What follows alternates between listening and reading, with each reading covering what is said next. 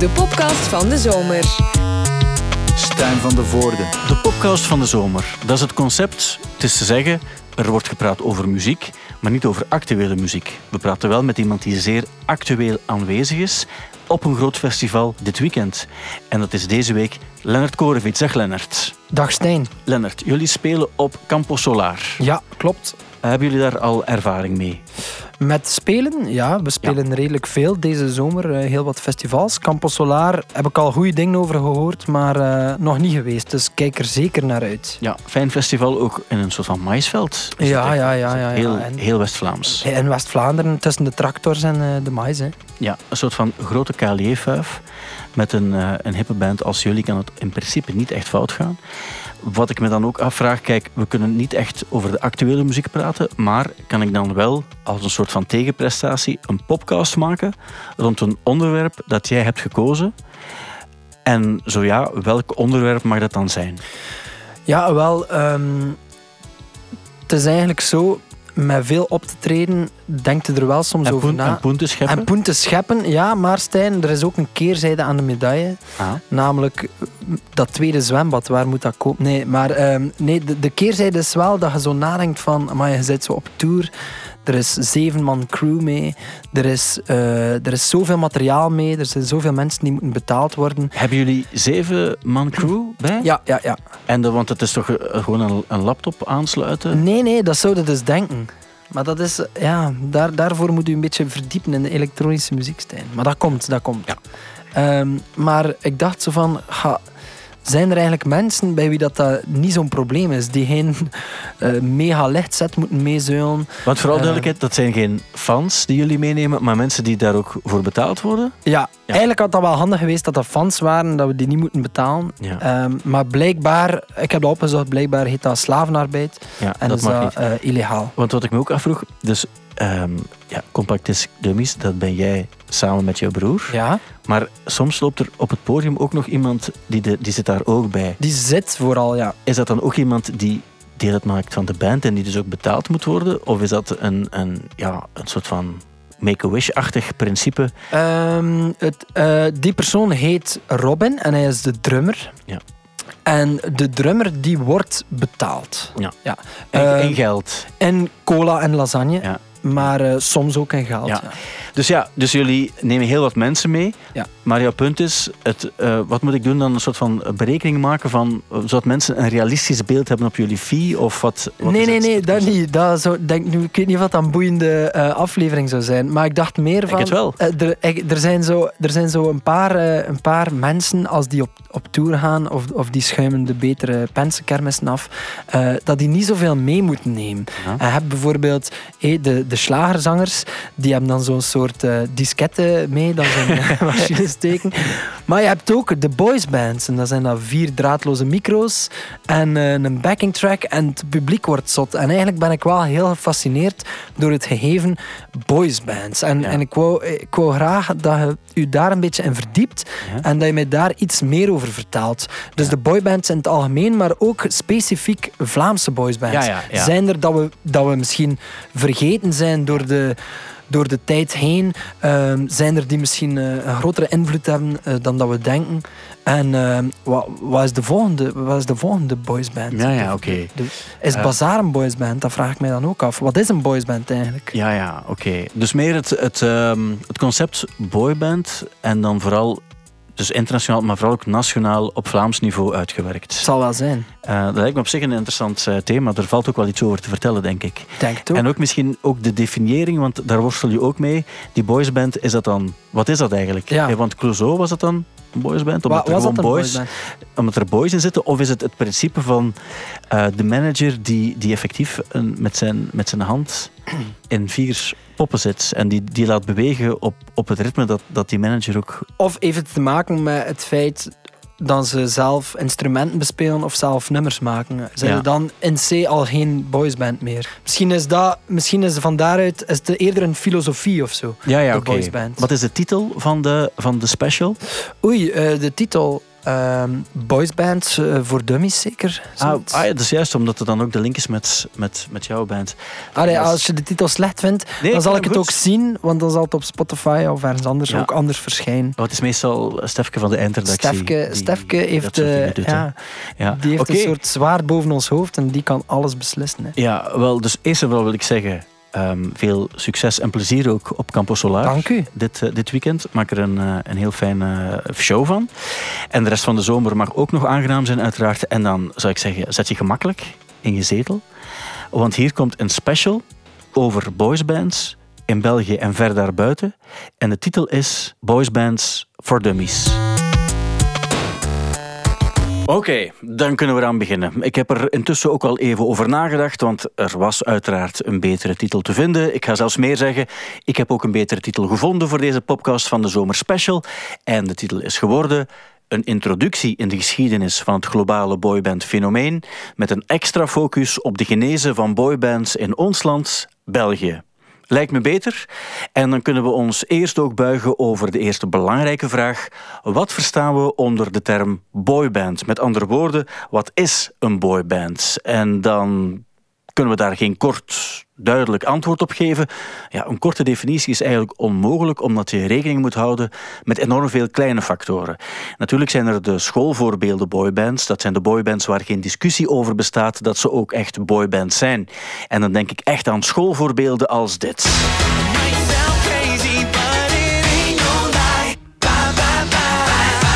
Ja, of aan dit voorbeeld.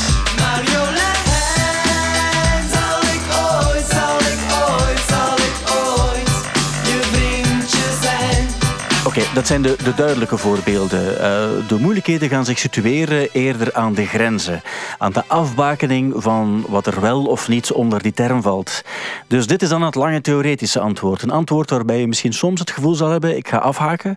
Want zo belangrijk vind ik dat concept van de boybands ook weer niet. Maar je mag dus niet afhaken, want deze special die wordt enkel interessanter en interessanter. Dat beloof ik bij deze. En ik kan nu zelfs al verklappen dat ik uiteraard op vraag van Lennart ook zal bellen met het allerbelangrijkste bandlid van de allereerste echte boyband in ons land. Maar dat is voor later. Dus eerst die vraag, wat is een boyband?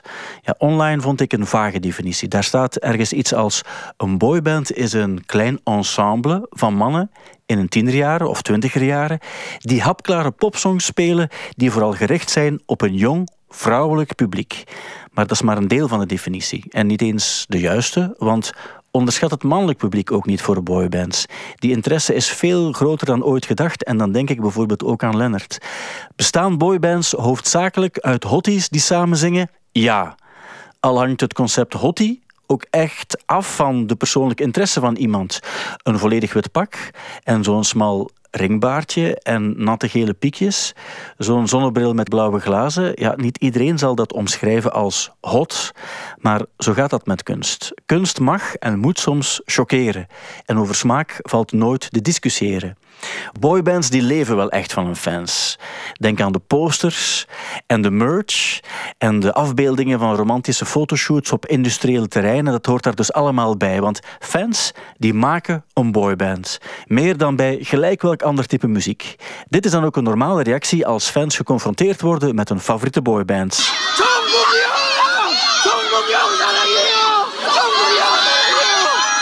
Dat is een standaardreactie. Als je deze reactie niet krijgt, kan je niet echt spreken over een boyband. Want een lichte vorm van hysterie hoort erbij. Dat is zelfs de norm. In werkelijkheid betekent boyband veel verschillende dingen voor veel verschillende mensen. Het is een levende term. Die muteert met elke generatie die voorbij gaat. Elk populaire genre, elke sociaal-economische verschuiving en zelfs ook elke persoon die erover praat.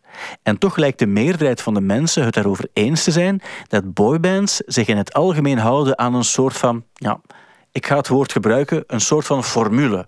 Ondanks de constante evolutie en ombuiging van archetypes die zich aanpassen aan de tijdsgeest. Dit zijn bijvoorbeeld een aantal vaste kenmerken.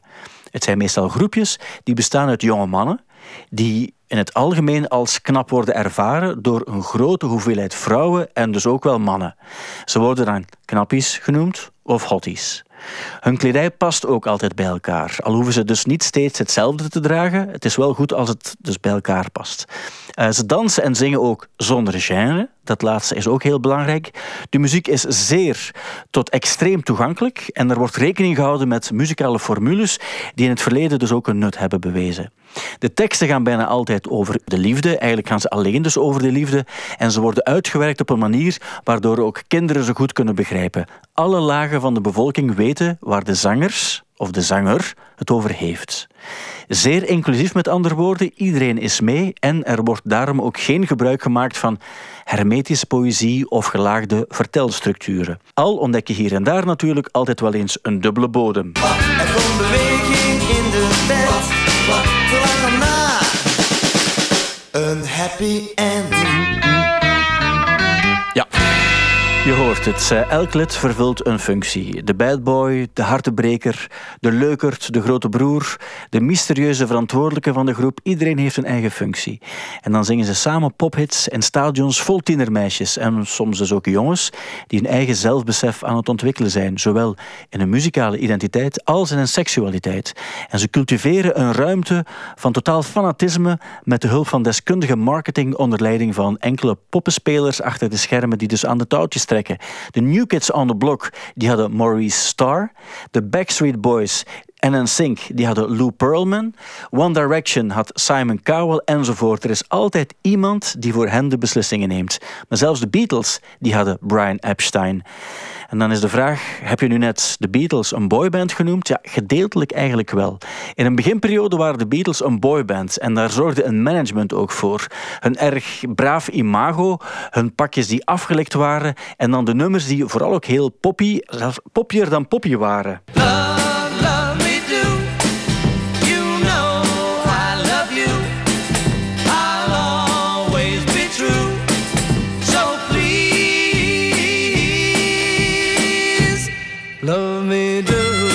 Ik zou Love Me Do, een nummer uit de debuutplaat van de Beatles uit 1963, een soort van boyband-nummer kunnen noemen. Toch voor die periode, want het beantwoordt op alle mogelijke manieren aan de boyband-criteria van die tijd. Maar dat is wel enorm snel veranderd, want hun sound werd veel origineler.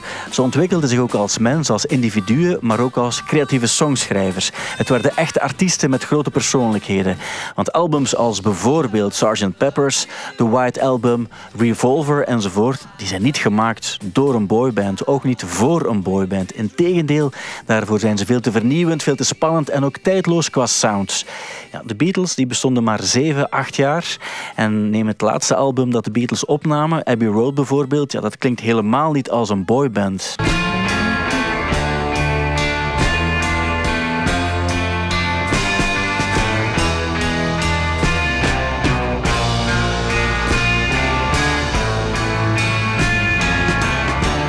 Een fragment uit I Want You, She's So Heavy van de Beatles. Dit is geen boyband muziek, maar je begrijpt ongeveer wel wat ik wil zeggen over die beginperiode. Het is soms een dunne lijn. In de westerse popgeschiedenis bestaan boybands dan ook meestal uit drie tot vijf leden. Een erfenis van Motown-groepen als The Temptations en The Four Tops en natuurlijk ook de Jackson 5. ABC,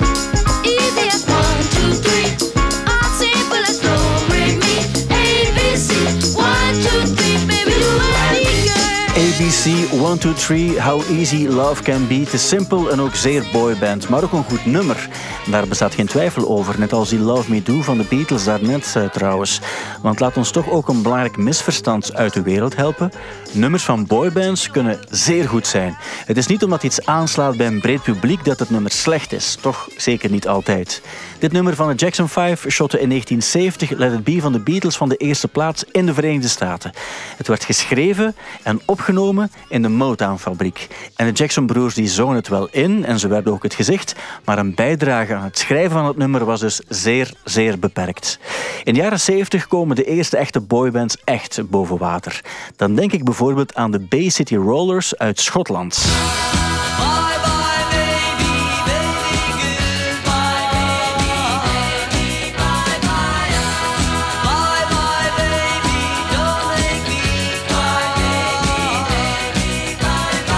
En eind jaren 70 ontstond in de Verenigde Staten in Boston de boyband New Edition, die het ook nog even zou volhouden in de jaren 80 met nummers als Candy Girl.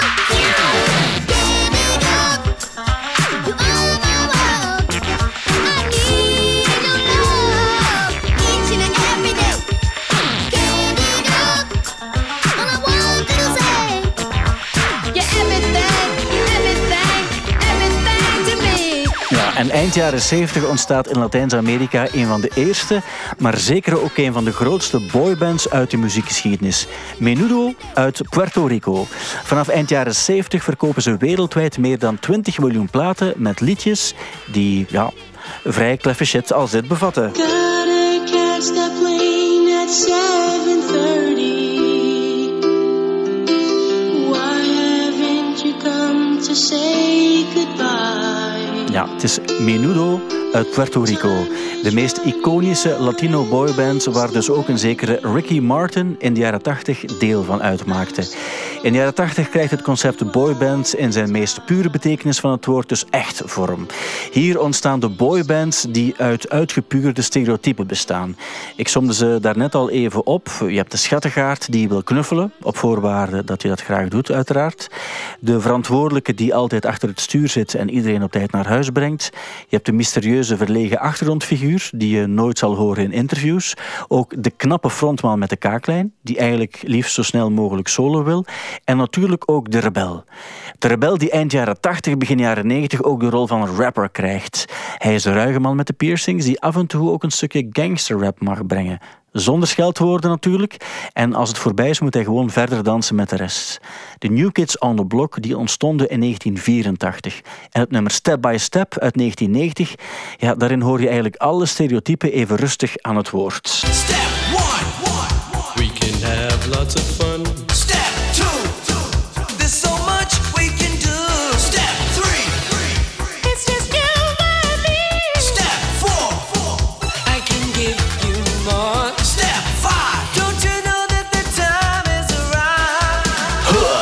Ja, in deze periode bestaat Boys to Men plots ook. Dat zijn dan R&B ballads om u tegen te zeggen met griezelige a cappella harmonieën. Zeer populair in die tijd. En Take That ontstaat ook in die periode. In 1990 komt Take That voor het eerst op televisie in de UK. En dat is ook de start van een echte boyband-revolutie in het Verenigd Koninkrijk. Take That wordt een van de allergrootste fenomenen aan de andere kant van het water.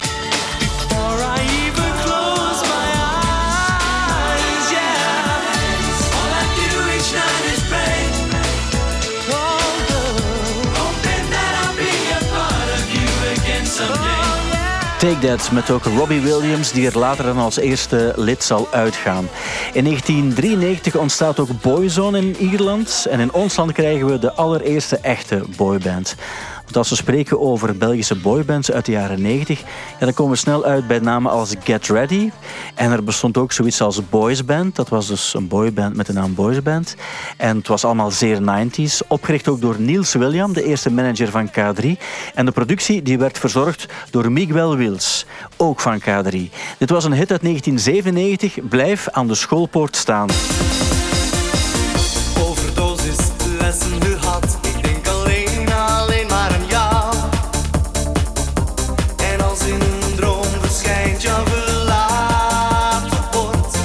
Dus Boys Band, een boyband dus uit België. Op dat ogenblik bestond Get Ready al, want zij bracht in 1996 een eerste single uit. En die was er onmiddellijk niet naast. Het nummer Diep stond in 1996 21 weken in de ultratop.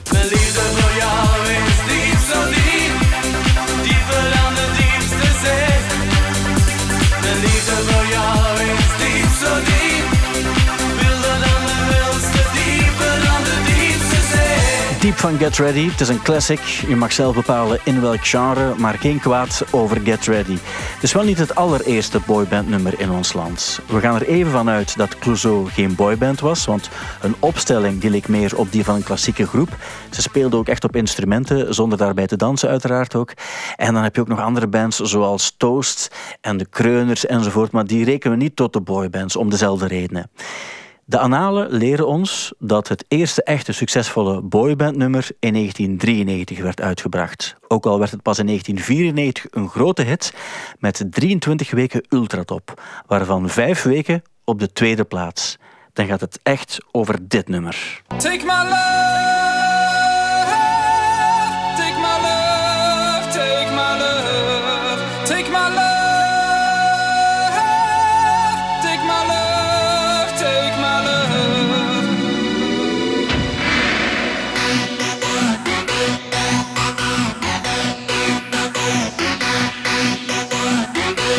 dat is vrij trashy, maar we kennen het allemaal. Take My Love van Good Shape. Good Shape bestond uit vier kerels, drie dansers, waarvan één ook de zanger was, en een man die met een synth of met een guitar op het podium erbij stond. Wel, die man, achter de toetsen, dat was meteen ook het brein achter Good Shape. Hallo Koen de van Good Shape. Hallo? Fijn dat we even kunnen bellen. Het gaat eigenlijk over het fenomeen boybands. En ik heb heel veel dingen bekeken en gelezen en opgezocht. En volgens Ja. mijn min of meer correcte informatie is Good Shape de allereerste echte Belgische boyband die we, die we dus gekend hebben in ons land. Klopt dat volgens jou? Ja, ik denk het ook wel. Ehm, dat was zo al serieus aan het borrelen en, en een succes in Engeland natuurlijk. En zo vandaar kwam het idee. Ik was al werkzaam als muzikant, producer voor mijn manager toen, Adriaan van Landschoot. En op die manier vroeg ik aan een bepaald moment... Adriaan, ziet je dat niet zitten, dat ik ook zo'n boysband uit de grond stap? En hij zei mij, ik hoorde het hem nog zeggen, je hebt carte blanche. Jullie waren er heel vroeg bij. Je zei, we kennen het via Engeland. Had je bepaalde voorbeelden? Oh, Of be- eigenlijk haalde ik mijn inspiratie, zeker naar, naar klankjes toe en zo, in de, in de productie, niet zozeer van de boysband uit Engeland, want die klonken toch wel anders. Die klonken echt wel meer pop, terwijl dat wij meer eh, toch de commerciële dance eh, sounds in ons hadden. Dus ik luisterde eh, heel veel naar Pet Shop Boys eigenlijk, en zo van die toestanden. Hathaway, eh, wie hadden we er nog allemaal? DJ Bobo, eh, zo die dingen meer. Dus, en dat maakte ons wel uniek, denk ik, dat we in Vlaanderen dus uitpakten met een heel commerciële, zeg maar, dance sound. Mag ik zeggen dat dit jullie grootste hit was? Take my love, Take My Love was zonder uitzondering de grootste hit, ja. Ja. We hadden er nog wel een paar, maar die konden toch, toch niet in die buurt komen van die Take My Love, nee. ja, je, je hebt het nummer ook geschreven, hè? Ik heb inderdaad een compositie gedaan en het refreintje. Jullie stonden heel lang op twee in de ultratop, maar er was, er was één iemand die jullie niet van de, van de eerste plaats kregen. Weet je wie dat was? Ik denk Mariah Carey. Ja, dat klopt.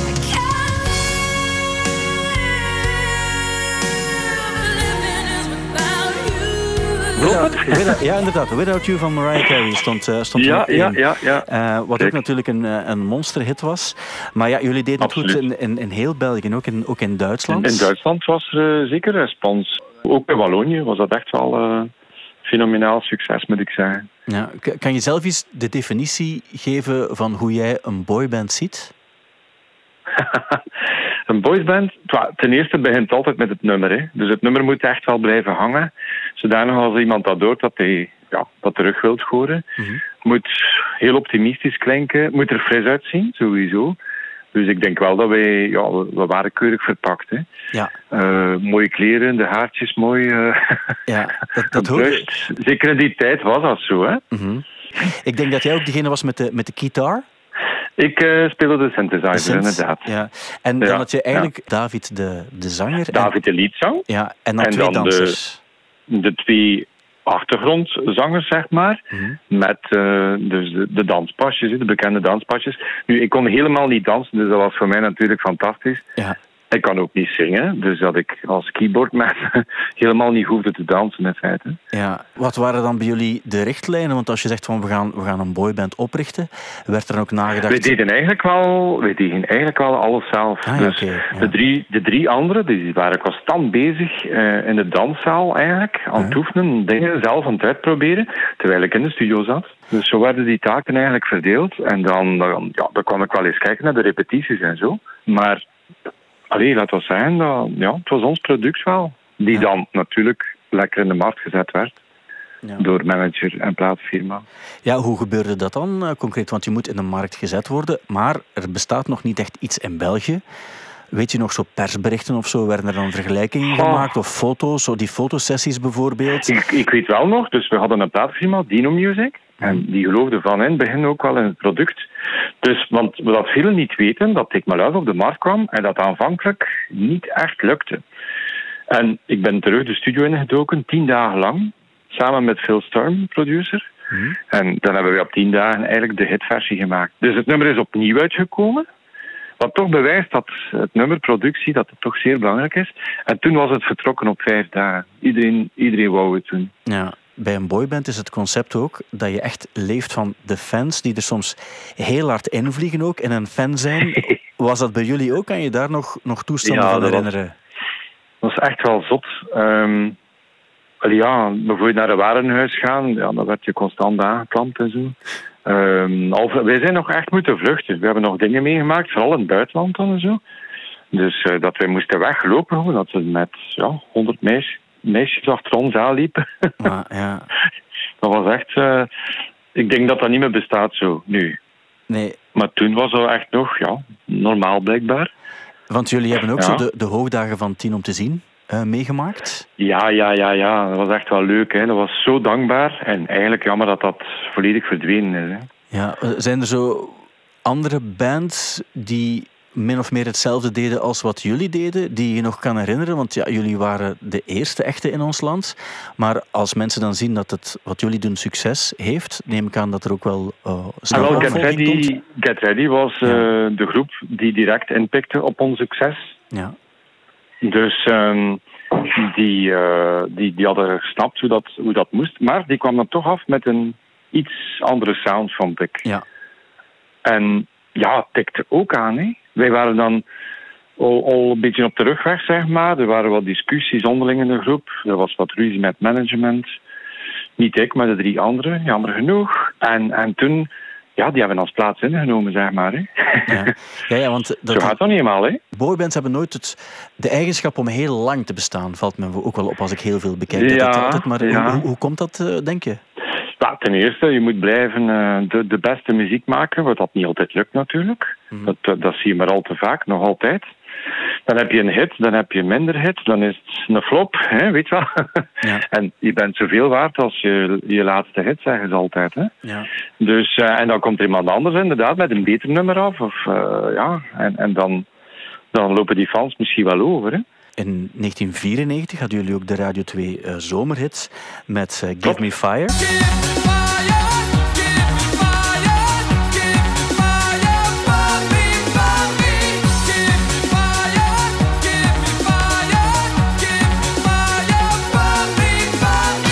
Wel een leuk nummer ook. Hè. Ja, dat was een nummer, nummer 1 hit. Stond ook voor Zombie van de Cranberries, voor Too Unlimited, voor Bon Jovi.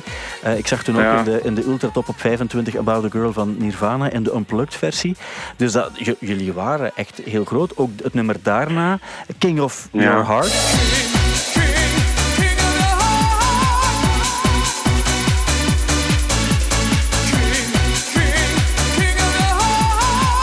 Ja, ja, ja. Ook op één, ook op één in, de ul- in de Ultratop gestaan. Ja, en toch zijn dat geen klassiekers geworden, want ik zie dat natuurlijk aan mijn Sabam-afrekening. Ja, ja, het, is, het is vooral Take My Love nog die overeind blijft. Hè. Ja. Dus wordt echt nog gedraaid op radio, op trouwfeesten en zo. Eh, Iedereen kent dat, het valt op. Eh, mijn zoontje ook, die, die moet acht jaar nog worden. De rest interesseert hem niet, maar Take My Love vindt hij leuk. Ja, want in, in 2008 was er ook nog eens een, een, een Reggie-remix eh, van het nummer. Ja, ja, ja, ja, ja. ja. En ja. dan zaten jullie ja, dat was plezant. Ja, zaten jullie plots ook in de allerlaatste aflevering van Tien om te zien ook met dat, eh, met dat nummer. Ja, ja, ja, ja, ja. Ja, dat was wel leuk. Ik heb trouwens een nieuwe versie gemaakt van Take My Love.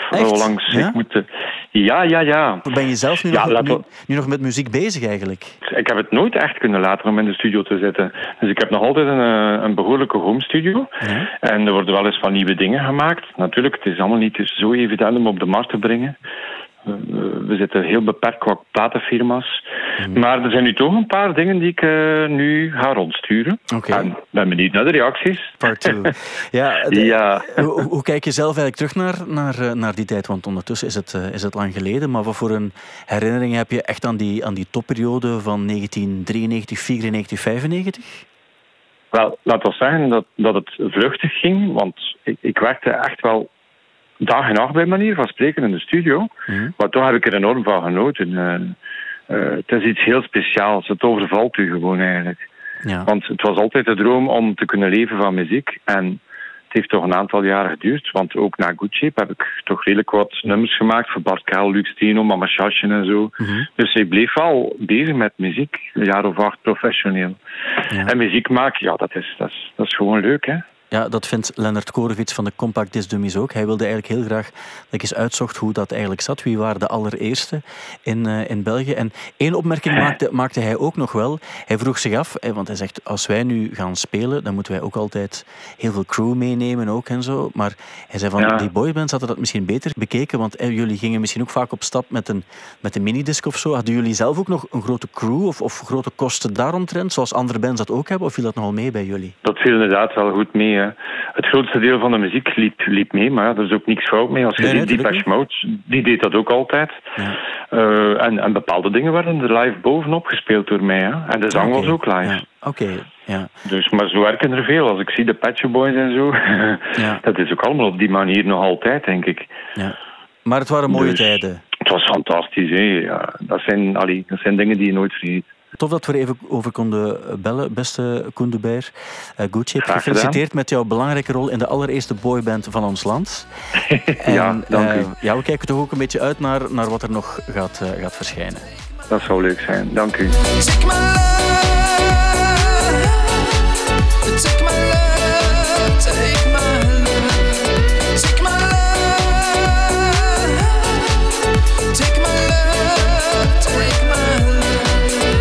Het is nog een stukje uit de 2022 remix van Take My Love, een nummer origineel uit 1993.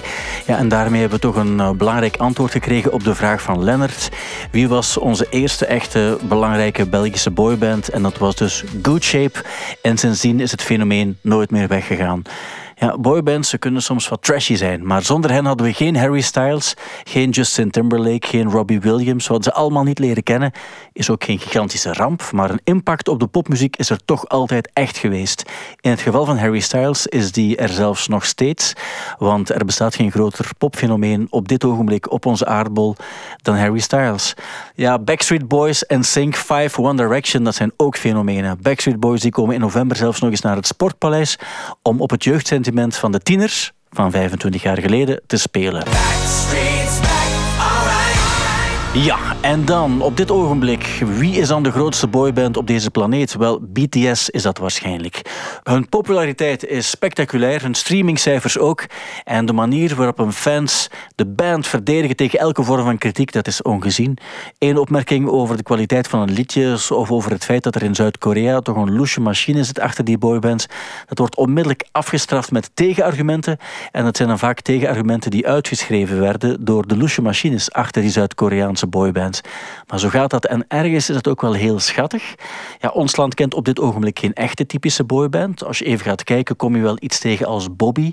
Ja, een beetje een treurig gegeven waar Miguel Wiels opnieuw achter zit. Het ziet er triestig uit en zo klinkt het ook echt. En hits scoren ze ook niet. Dus als je niet aan die belangrijke eigenschap van een boyband voldoet, een hit scoren, dan tel je niet echt mee. Dus als er één Belgische band bestaat die de titel van Belgische boyband van het moment verdient, dan is het wel een band met drie kerels, waarvan twee broers. Ze laten een sins even hard knallen als die van Good Shape. Ze dansen op een eigen manier, stemmen kledij af op elkaar en ze scoren hits waar jonge meisjes op dansen. Dan denk ik vooral aan dit.